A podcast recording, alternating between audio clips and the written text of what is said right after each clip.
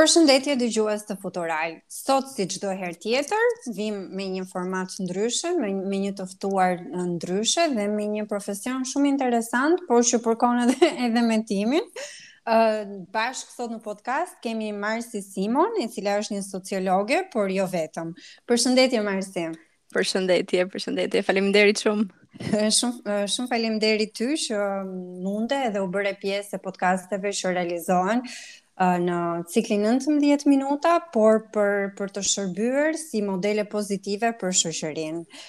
Uh, Marsi, ti je po. sociologe dhe mund të na thuash diçka rreth profesionit tënd edhe sa sa të ka shërbyer ty për për të ndërtuar këtë komunikimin pastaj në nivelin makro.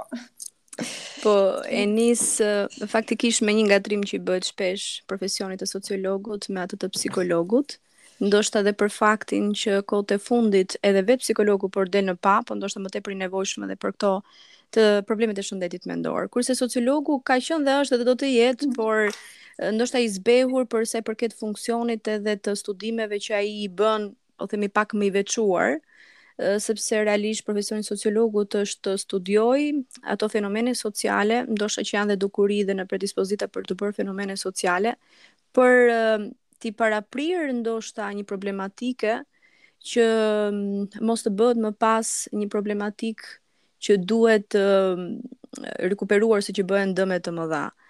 Nëse nuk isha edhe me kaq e qartë, mund të them që sociologu është një profesionist i fushës së shkencave sociale, i cili ka nevojë të ketë njohuri deri diku të bazuar dhe të mira, qoftë në fushën ekonomike, qoftë në atë politike, në atë psikologjike, dhe ndër të tjera edhe në fushën e statistikave, sepse do të bëjë grumbullimin e të dhënave për të nxjerrë konkluzione në formë të përgjithshme dhe me me me shifra. Pavarësisht kësaj, unë edhe më ka pëlqyer kjo fushë shumë, aq sa mund të kem pasur unë njohuri në dy mijë e pesën i bie, se do kthehemi edhe prapa në kohë. Uh, një zgjidhje që uh, e kisha me shumë dëshirë dhe kam qenë ndër studentët e para kur na pyesnin pedagogët që përse ke zgjedhur këtë profesion, unë thoja kam zgjedhur vetë. Edhe po çfarë do bësh ti kur të rritesh, kur të mbarosh shkollën? Kjo kjo pyetja gjithmonë është tipike. Çfarë do bësh? unë thoja, unë do hap shoqatën time për gratë. Dhe ah. E mbaj mend pedagogja ime nuk e mbaj mend cila ka qenë, po më tha, po po, e ashtu mendon ti, por nuk është kaq e thjeshtë. Pse nuk është kaq e thjeshtë? Unë do hap një shoqatë për gra, do luftoj për të drejtat e grave. Mm -hmm. Edhe i bie diku 19-20 vjeçë.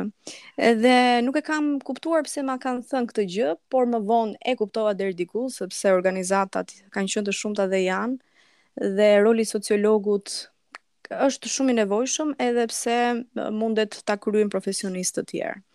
E drejtë. Kjo po themi për për fushën për ta lidhur kështu edhe me universitetin. Dhe e lidhe shumë bukur edhe me me pjesën që na na bëre një sqarim të detajuar të asaj që uh, arrin të studiojë dhe të përçojë sociologjia, por edhe problemin e gjithmonshëm që ndoshta në shoqërinë shqiptare ka ekzistuar që nuk e dim realisht se çfarë profesione kërkojmë mm -hmm. edhe në funksion të çfarë janë ato. Pra, shpesh herë ne shkollohemi, bëjmë ndjekim një arsimim të caktuar dhe nuk e dim pastaj se ku do shkojmë dhe do të punojmë. Por nga nga paranteza jote un kuptova që pjesa e qendrës edhe afeksionimi me çështje të cilat janë shumë të rëndësishme për shoqërinë, ty të ka prekur dhe ke dhënë kontributin tënd aty ku ti ke mundur, ashtu sikundër um, flasim edhe për Family Care Albania, që po. ju jeni themeluese e qendrës, na sqaro pak këtë kalimin tënd nga nga sociologjia tek um, çështje që lidhen me gruan, me të drejtat e njeriut, Çdo gjë ka një fillesë edhe siç nisin ato ëndrrat e para, unë fatmirësisht nuk i kam lënë ëndrrat edhe po i shoh të realizuar edhe pse pas kaq shumë vitesh.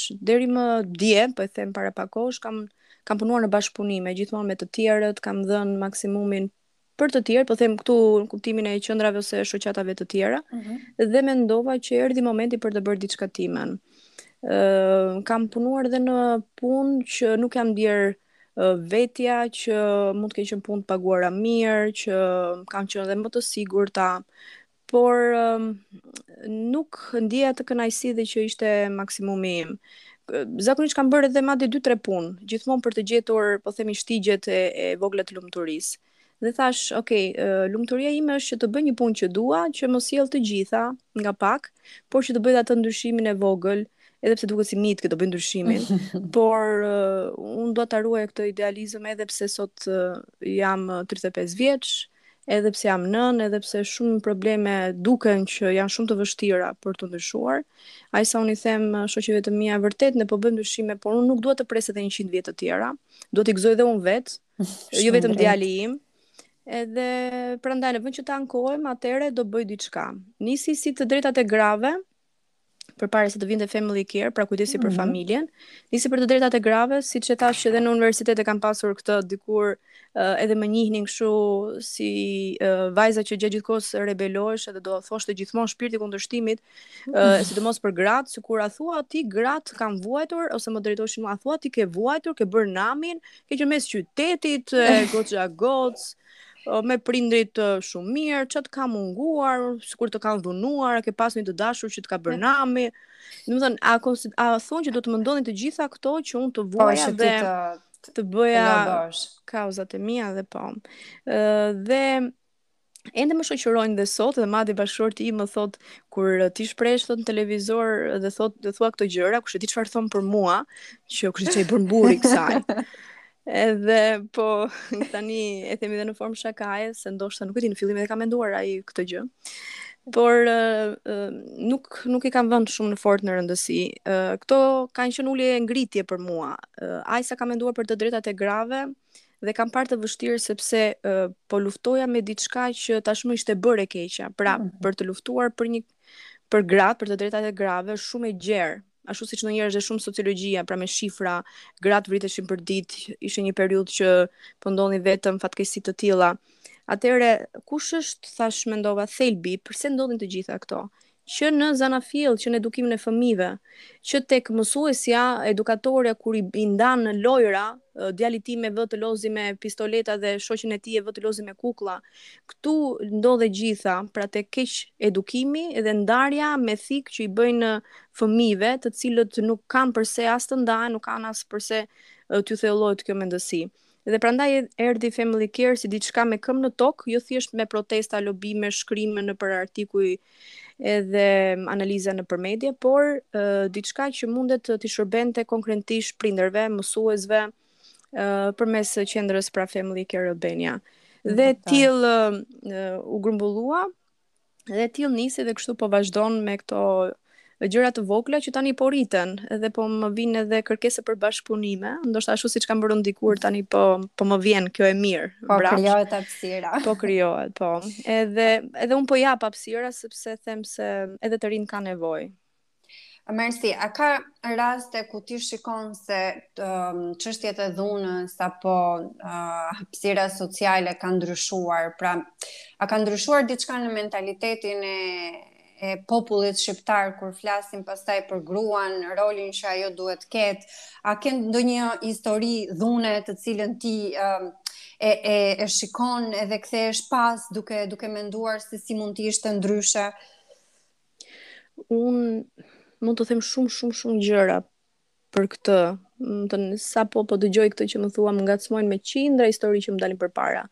Dhe vetëm rrëfime që mundet të më shkruajnë shoqet, miket, nëna, të panjohur, por edhe ngjarje të cilat mund të kem përjetuar dhe vetë që në adoleshencë si vajzë kam qenë po themi e, e kam parë këtë pjesë shumë problematike që një vajzë e cila vishet shumë normal për të shkuar në shkollë dhe dikujt i teket të ngacmojë ose të ndjekë të përndjekë një vajzë sepse ashtu ai dëshiron dhe mendon thjesht sepse është djalë. Po them mm -hmm gjë e cila mund të ndodhi çdo vajze dhe besoj me siguri që i ndodh. Por vajzat nuk e thonë këtë gjë, nuk e shprehin.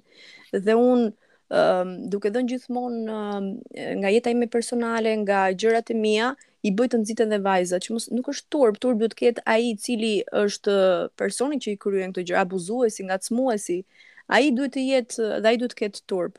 Jo ne, sepse uh, vajzat gjithmonë edhe në rastin ku janë viktima bëhet e kundërta. Uh, gjithmonë akuzohen se ato kanë pra, qenë shkak viktima. Po, kush e di çfarë ka veshur, kush e di si e ka provokuar, kush e di çfarë ka bërë apo dhe për faktin për shembull që um, kam qenë një vajzë deri diku që më kanë treguar që se duket sikur është mungesë modesti e, simpatike, tërheqëse.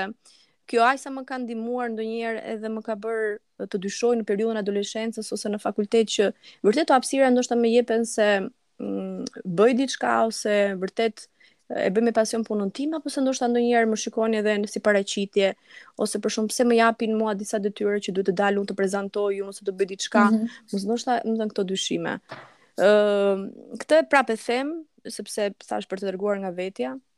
Ë, uh, histori shumë të vogla që këto ndoshta dikush i kanë ndodhur gjëra të tjera i duket absurde ose në sajë të historive të shumë vajzave që kanë qenë të tmerrshme dhe ende dhe sot që po flasim, nëse na dëgjojnë, Kështu që çfarë po mendojnë për jetën e tyre.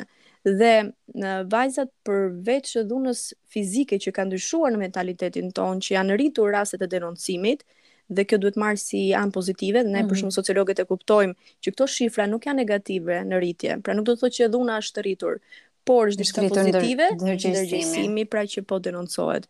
Por ende nuk jemi në fazën për të kuptuar që vajzat dhunohen edhe psikologjikisht Pra ushtrojnë partneri mund të ushtrojë presion që ato mos të punojnë, që të lënë punën, që t'i kushtohen fëmijës, sepse nuk do të ishin nëna të dënj, të denja, nuk duhet të dalin, nuk duhet të vishen në këtë lloj forme. Dhe këto janë ose qoftë edhe xhelozia e cila mund të jetë pa kuptim, pavarësisht se këtu mund të hyjnë edhe nënvlerësimi i partnerit e shumë aspekte të tjera psikologjike. Pra ka shumë e shumë aspekte të cilat këtu ende çedojmë, pra tek dhuna psikologjike e cila ende bëhet. Por unë them që nëse dje mamaja mua më më thoshte ose më këshillonte që shiko se burrat kështu e kanë ose shiko se me këto mendime që ke ti nuk gjen burrë me këto mendime. Dhe mbaj mend shumë ma ka thënë. Edhe madje edhe mosha e martesës sime ishte diku 29, 30, po. për shumicën ndoshta konsiderohej pak e moshë madhe, po e vonë, edhe madje jeri dhe kështu, ok, unë e zgjodha partnerin më në fund, çfarë ishte kjo? Sepse thjesht nga mendimet e mija, ose nuk do gjesh burrë dot ti vetëm të ikësh jashtë, te një i huaj, po dhe ata të huajt, të të lënë ata pastaj. Gjithmonë gjithmonë do të ndërtonin këto pikëpyetje që shiko se ti ti je ndryshe në mendim nga të po, tjerët. Po nuk bën. Do do do të çedojë diçka që do të prishë punë. Po. Megjithatë ky është një model shumë pozitiv i suksesit, besoj edhe mendoj Sepse do të thotë që të gjithë mund t'ia dalin me ato idealet e veta, me ato pritshmëritë e veta, por që në fund fundit janë uh, zgjedhje personale dhe secili nga ne është i lirë të mendojë dhe të ndërtojë kështjellën e vet në mënyrën që do apo jo. Sigurisht që po. Ëm çdo ku në kushdo mund të gjejë personin që që ndihet më mirë, që pavarësisht moshës së tij, këto kushtëzime që i vendosen sidomos vajzave, besoj edhe djemtë e kanë, po e kanë pak më të largët moshën e martesës, i bëjnë ato të zgjedhin partnerë që janë rastësor ose që janë thjesht për për të përmbyshur, për të përmbushur atë dëshirën e të tjerëve ose ideja më iku mosha tani do martohem, ky është hapi tjetër. Dhe gruaja këtë ka, fatin e ka tek burri. Ky është më kryesorja. Kjo tani ka rënë, pra nëse ma këshillonte deri diku mamaja, Sot unë nuk do t'ja këshilloj më djalit tim, ose vajzës po. time. Pra përkundrazi, ndoshta do përparojë akoma dhe më shumë. Tani, unë e di që uh, djalit tënd, vajzës tënde dhe të gjithë fëmijëve të tjerë, ti u ke krijuar një hapësirë dedikuar tyre, që është klubi i fëmijëve. Dhe edhe pak më herët e the që është shumë e rëndësishme që edukimi të fillojë që në moshë të herët edhe vendi ku edukimi fillon edhe ndërton ato bazat kryesore është familja, pavarësisht shkollës edhe uh, të gjitha ambienteve të tjera që na shoqërizojnë. Uh, si e ke menduar, çfarë ke ndërtuar, çfarë ke dashur që të tjerët të kuptojnë nga kjo nismë jotja? Pas uh, formimit të qendrës Family Care Albania, në një nga projektet e tjera paralele ishte dhe revista Klubi i Fëmijëve. Dhe më kujtua që edhe titulli ose emërtimi i qendrës edhe i klubit të fëmijëve ka qenë natën duke menduar gjatë gjithë kohës çfarë emërtimi mund të vendos. Dhe një klub, që, zakonisht klubet janë të vogla, janë si intime, janë si komunitet, një vend ku fëmijët të qëndrojnë aty dhe të bëjnë gjëra të mira dhe t'i shpërndajnë me njëri tjetrin dhe kjo të jetë deri diku i kontrolluar nga prindërit sepse kam menduar që revista të shfletohet nga të dy prindërit dhe fëmijët uh -huh. të jenë mhm. së bashku që prindit mos të mendojnë, ok, unë i dhashë fëmijës lodrën, ja ja bëra gati fletat që t'i bashkojë dhe kaq, unë do shkoj të bëj detyrën time. Jo, duhet gjithkohë të jetë prezent. Jo ta monitorojë në kuptimin e keq, por të përfshihet dhe ai, të jetë dhe ai fëmijë, të kënaqet dhe ai. Uh, të lozim bashkë.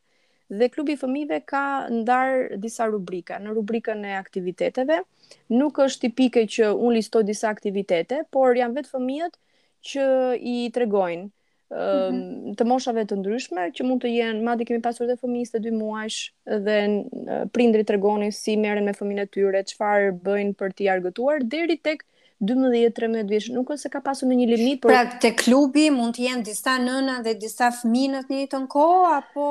Uh, janë fëmijët që tregojnë vetë aktivitetet e tyre, mm -hmm. talentet e tyre, dhe një rubrikë është rubrika e prindërve, pavarësisht se deri sot kam pasur nëna, pra një mm -hmm. mami si Marsi, një mami si iksi, Uh, por do doja shumë të kisha dhe baballarë, pse jo, pra nuk dua t'i kufizoj vetëm nënat.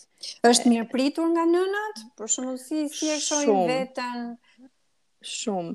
Uh, madje edhe më shkruajnë, a mund të jem unë, a, a jam unë një kandidate e mundshme për të qenë, ose ia vlej unë vërtet, nuk është se bëj ndonjë gjë të madhe, ose nuk kam ndonjë profesion të tillë, por uh, kam i pritur, sigurisht, faleminderit madje që u ofrove, sepse ndoshta unë edhe kërkoj dhe më vijnë vetë tani uh, që i kam, po themi, edhe më të thjeshtëzuar. Nuk është e nevojshme të jenë nëna të një profesioni të caktuar.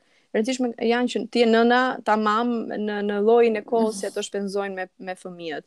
Që edhe nënat e tjera, prindit e tjerë që janë të përfshirë ose që mund të lexojnë, të thonë në rregull, nuk e paskam vetëm unë këtë problem ose e shikon edhe unë mund ta bëj këtë gjë, të ndjejnë uh, afërsinë, ngjashmërinë, por edhe sugjerime. Kjo është rubrika e dytë, pra përveç fëmijëve dhe aktiviteteve të tyre.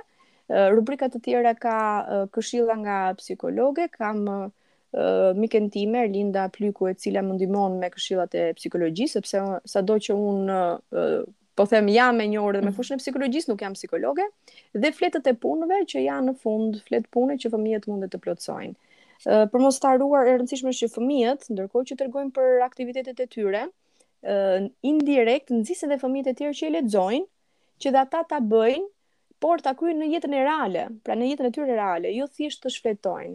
Pra po ti a di ta bësh këtë gjë, po ti si e ke bërë këtë gjë, po ti si e mendon këtë gjë. Dhe e fillon këtë stuhinë e mendimit tek tek fëmijët po, dhe konkurrenca. Po, po. Do ketë një projekt të radhës dedikuar fëmijëve, klubit të fëmijëve? Ëh, paralel me klubin e fëmijëve, se do bëjmë shumë paralel.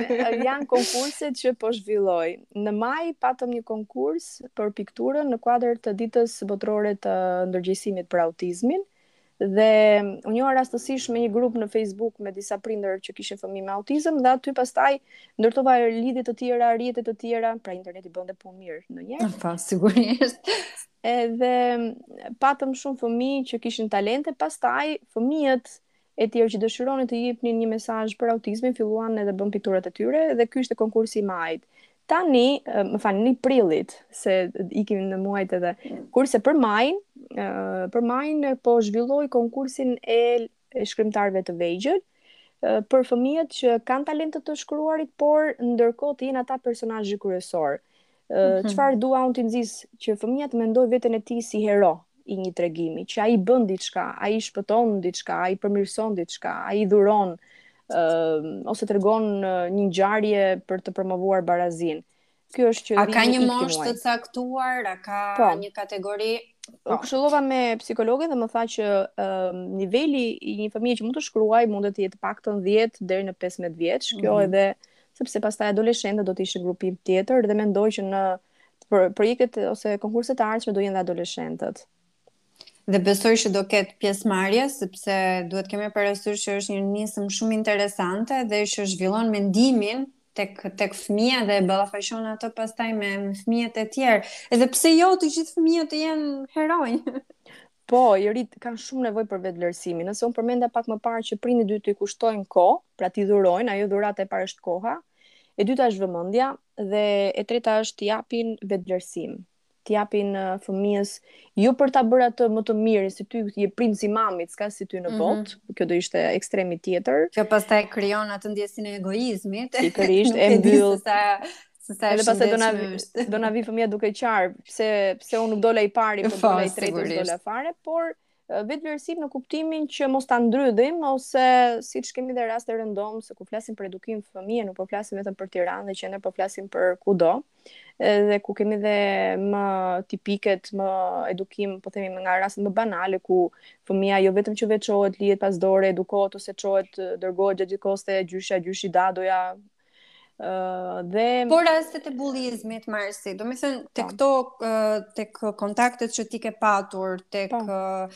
familjarët, po edhe vet fëmijët, a ke vënë re diçka kur flitet për bullizmin, pra ne flasim për Tiranën e the dhe vet edhe për mhm. qendrat mm -hmm. që janë të zhvilluara, po pastaj kur largohemi nga Tirana shohim që ka fëmijë që përveç çështjeve të vetëvlerësimit, kanë mm -hmm. edhe çështjen e bullizimit, që është një fenomen shumë shumë i rrezikshëm në shoqëri kur bëhet fjalë për fëmijët. Para një viti në muaj mars, mars filluan, po ishte pandemia i bie qershor, shtator pata një projekt me një tjetër qendër për bullizmin. Dhe aty mm -hmm. jo vetëm që bëmë nisma edhe kapëm terrenin për këto, por edhe pata edhe shumë ankesa ndaj prindër, nga prindrit ose edhe nga vetë fëmijët që që më shkruanin për rastet e bullizmit. Është fenomeni më më i fshehtë dhe më i tmerrshëm që po përjetojnë fëmijët, sidomos në këtë periudhë të pandemisë që kanë qenë mbyllur dhe çdo gjë ka qenë fokusi te telefoni, që është armiku uh, më i keq, uh, më shkatrues, më fizik, psikologjik, të të gjitha. Sidomos që po lulëzon shumë bullizmi, sepse prindërit nuk po e kontrollojnë dot fare fëmijët, sepse nuk i kanë kontrolluar dhe nuk kanë mhm. patur mm -hmm. ura komunikimi më përpara dhe s'mund ta bëjnë dot sot ose nuk dinë që duhet ta bëjnë sot. Dhe fëmijët për shembull nëse do të marrim qendrën, fëmijët që janë me gjendje ekonomike më të pasur, priren të bullizojnë fëmijët që kanë gjendje më pak. Më pak, vërtet. Uh, Periferitë i shohim pak më të zbehur sepse duke qenë se janë me subkultura të ndryshme, sikur edhe bashkëjetojnë më mirë, edhe sikur kanë një nivel ekonomik më të përafërt. Por ekziston bullizmi edhe për aspektin fizik, për aspektin, po themi, të veshjes, se si duken, se si veprojnë. Ëm, um, madje po po përpiqem tani të kujtoj edhe rastin e kopshtit, që është djali im, imagjino për shembull që 4 vjeç fëmijët fillojnë të ngacmojnë njëri tjetrin, duke i thënë për shembull ti je bebe, ti je më i vogël, unë di më shumë se ty, unë jam çun dhe i më thon mami po çunat janë më të fortë se gocat, i mundin gocat, janë shumë të mirë në futboll çunat dhe i gjëra që i dëgjon te kopshti që punoj un këtej. dhe i them un po vajzat mund të bëjnë gjëra të tjera, djem gjëra të tjera, por rëndësi ka i them un që njeriu të jetë i zgjuar, Kjo ka rëndësi, i them unë sot, edhe përpiqem pastaj me atë mënyrën se duam të gjunë thjesht.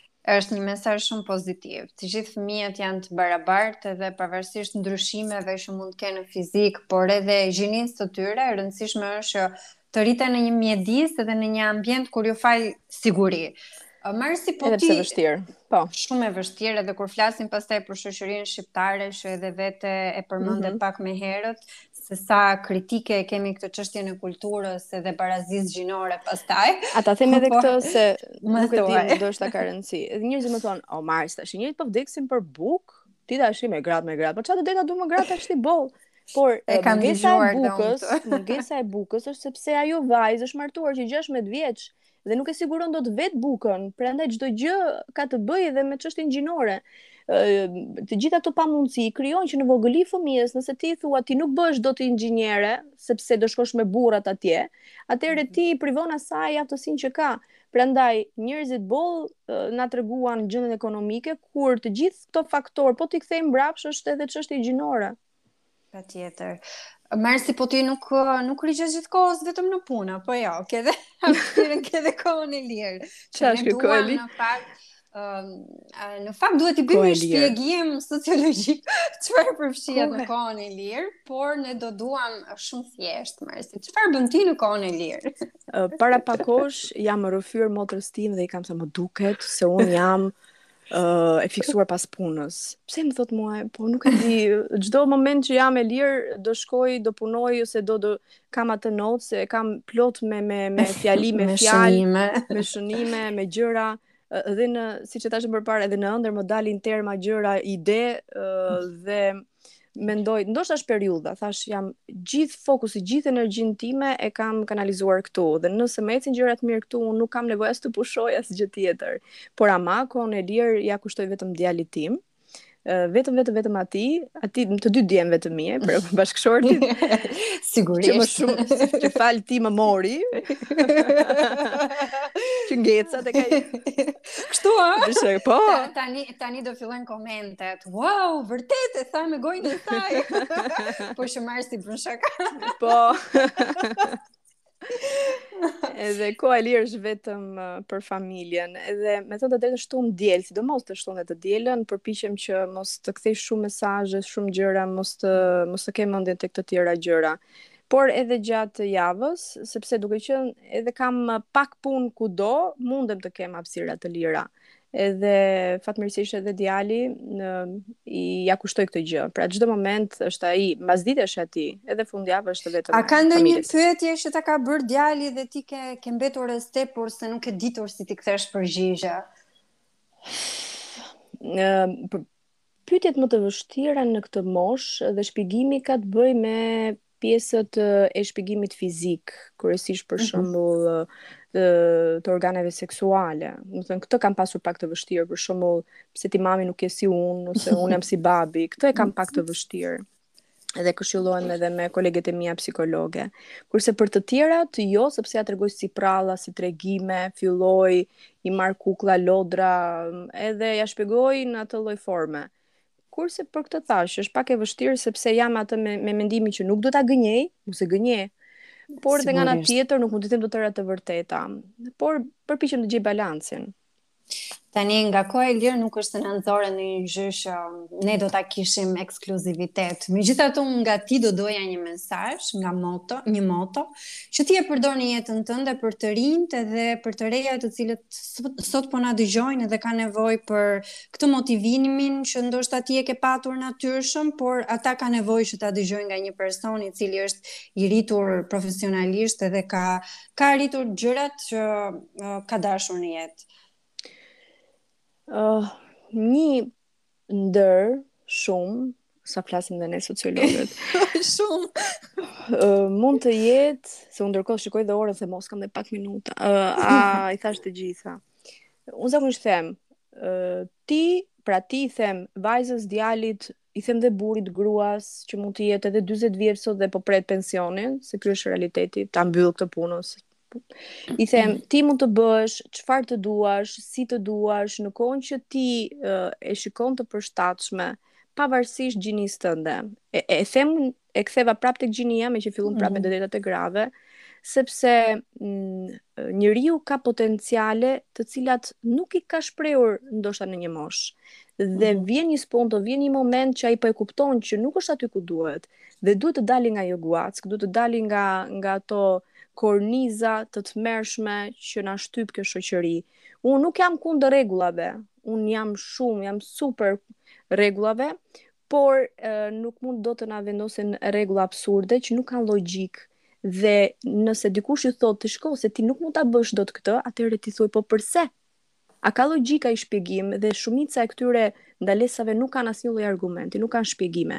Nëse ju thonë se ashtu është, se ashtu ka qenë, nuk mund të jesh ti ndryshe, janë të gjitha kot duhet provuar, duhet gjetur potenciali dhe sikur edhe pak vite jetë të jenë përpara, edhe sikur gjithë jeta mbrapa të duket e tmerrshme skëterrë, duhet provuar. Dhe mua më pëlqejnë këto fazat e rilindjes ose fazat mhm. eksperimentale, mm -hmm. sepse njeriu mund të gjejë gjëra të tjera për të eksploruar dhe mendja e njeriut është kaq e madhe, kaq e pafundme dhe madje në, do t'i këshilloja shumë të rinj nëse do të kishin mundësi të udhëtonin, të bënin lëvizje sa më shumë, sepse kur udhëtojnë, njohin njerëz të rinj, njohin kultura të reja, sa më shumë njohin kultura, e kuptojnë që kjo fjala normale nuk ekziston.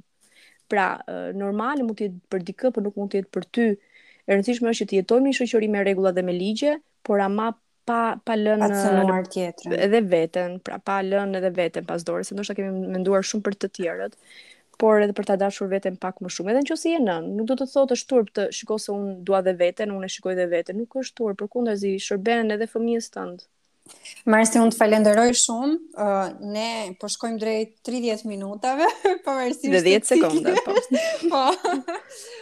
është 19 minuta, unë e shijova shumë bisedën bashkë edhe u mundova që të të të kuptoj edhe më tepër nga nga puna edhe dëshirat e tua për të përmirësuar um, shoqërinë në një në një cikël ndryshimesh, i cili vjen hap pas hapi, që është edukimi që në fëmijëri edhe më mhm. pas drejt çështjeve më të mëdha edhe më të rëndësishme shoqërore.